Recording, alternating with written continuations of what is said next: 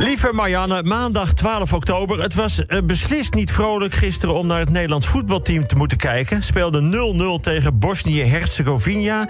Zelfs bij het shirtjesruilen na afloop zeiden de meeste Bosnische spelers... nou, Nee, ik bewaar mijn shirt liever voor een echte goede voetballer. Max Verstappen en zijn vriendin Dilara zijn uit elkaar. Maar bij het verdelen van de spullen is wel besloten dat Max de wagen mag houden. Rafael Nadal heeft voor de dertiende keer Roland Garros gewonnen. De enige die volgens zichzelf meer titels heeft is Kim Jong-un. Rafa heeft nu, eenmaal, heeft nu evenveel Grand Slam titels als Roger Federer. Twee mannen die al zo lang aan de absolute top staan van één sport is bijzonder. Maar je ziet het in het dagelijks leven wel meer. Op een bepaald gebied zijn er heel veel mensen heel erg goed. Maar een paar zijn er dan jarenlang nog beter. Bijvoorbeeld bij voetbal Messi en Ronaldo. Bij het schaatsen Sven en Irene. Bij het televisiegala Chantal Jansen en Chantal Jansen. en bij de radio nou, dat laat ik aan anderen over. Steven Kruiswijk staat er heel goed voor in de Giro d'Italia. Grootste tegenstander komende dagen lijkt de Italiaan Luca Viralis uit de Covid-ploeg. Dinsdag 13 oktober. Stefan Kruiswijk is positief getest op corona en moet de Giro verlaten. Net als de hele Jumbo-Visma-ploeg en allerlei andere ploegen. Maar dit vergroot wel de kans op de eindzege in de Giro voor Bert van der Slagsmulders. Die op zijn bakfiets meerijdt. Hij staat nu nog 78 uur achter op de roze trui. Maar waarschijnlijk is hij wel de enige die uiteindelijk de wedstrijd mag uitrijden. Ook Ronaldo is besmet met corona. En dat is vreemd, want hij meet bij iedereen altijd de afstand uit door twee stappen achteruit te doen en één stap opzij. Maar ook echt positief nieuws.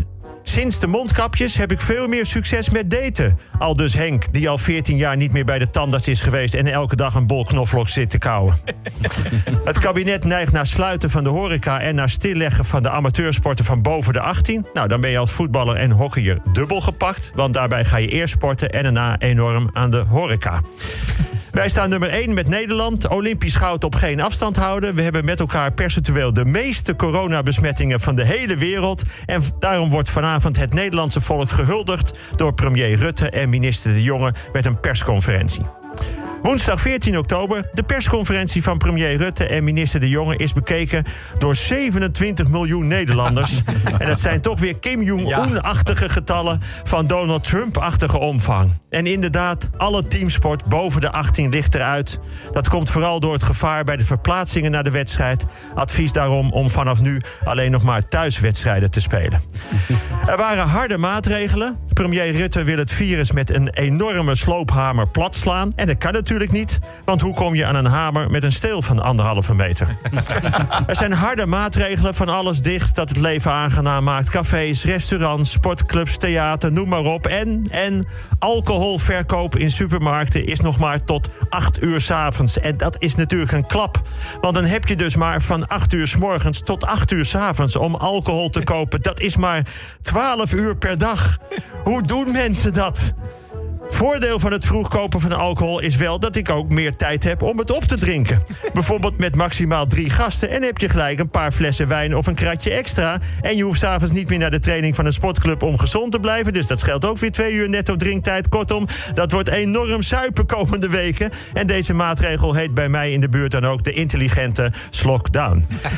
Donderdag 15 oktober. Het was opeens weer heel vrolijk om naar het Nederlands voetbalteam tegen Italië te kijken. Spelers van Bosnië-Herzegovina hebben alsnog gebeld of ze alsjeblieft toch nog van shirt konden ruilen met de oranje verdetten. De huizenprijzen blijven nog steeds maar stijgen. Afgelopen kwartaal met 11,4 procent. Voor een beetje boomhut van je 11-jarige buurjongen betaal je al snel 150.000 euro. Zo'n ongelofelijk bedrag, 150.000 euro. Daar kun je in Amsterdam drie weken voor parkeren. Tegen een van de verspreiders van het overbekende seksfilmpje van Patricia Pai is 80 uur taakstraf geëist. Dat lijkt een vrij lage straf maar de 80 uur taakstraf bestaat wel uit het uitbeelden van een openbaar toilet waar iedereen gebruik van mag maken. Het aantal vroeggeboortes is met ongeveer 20% gedaald de afgelopen coronaperiode. Verondersteld wordt dat het te maken heeft met betere hygiëne door geen handen schudden en vaak je handen wassen.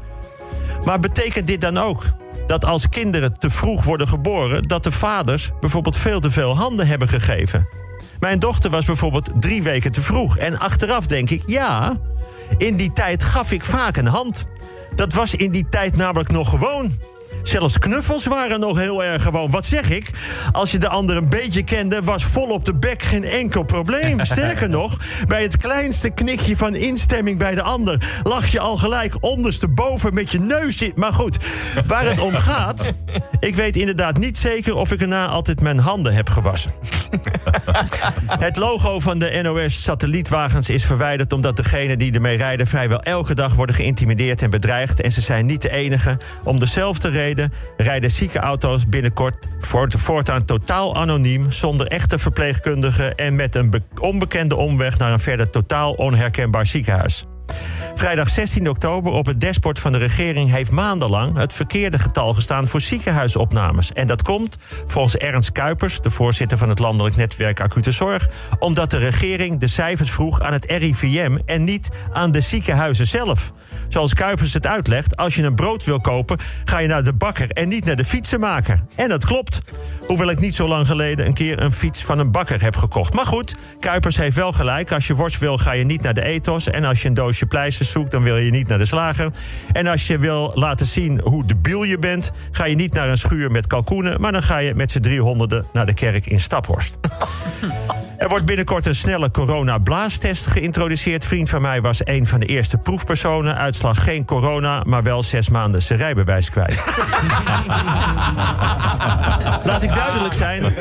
Ik ben ook nogal aangeslagen door de nieuwe coronaregels. De blijvende afstand, het weer verder uitgestelde kunnen aanraken van dierbaren. Weer bijna alles wat ik doe afgezegd.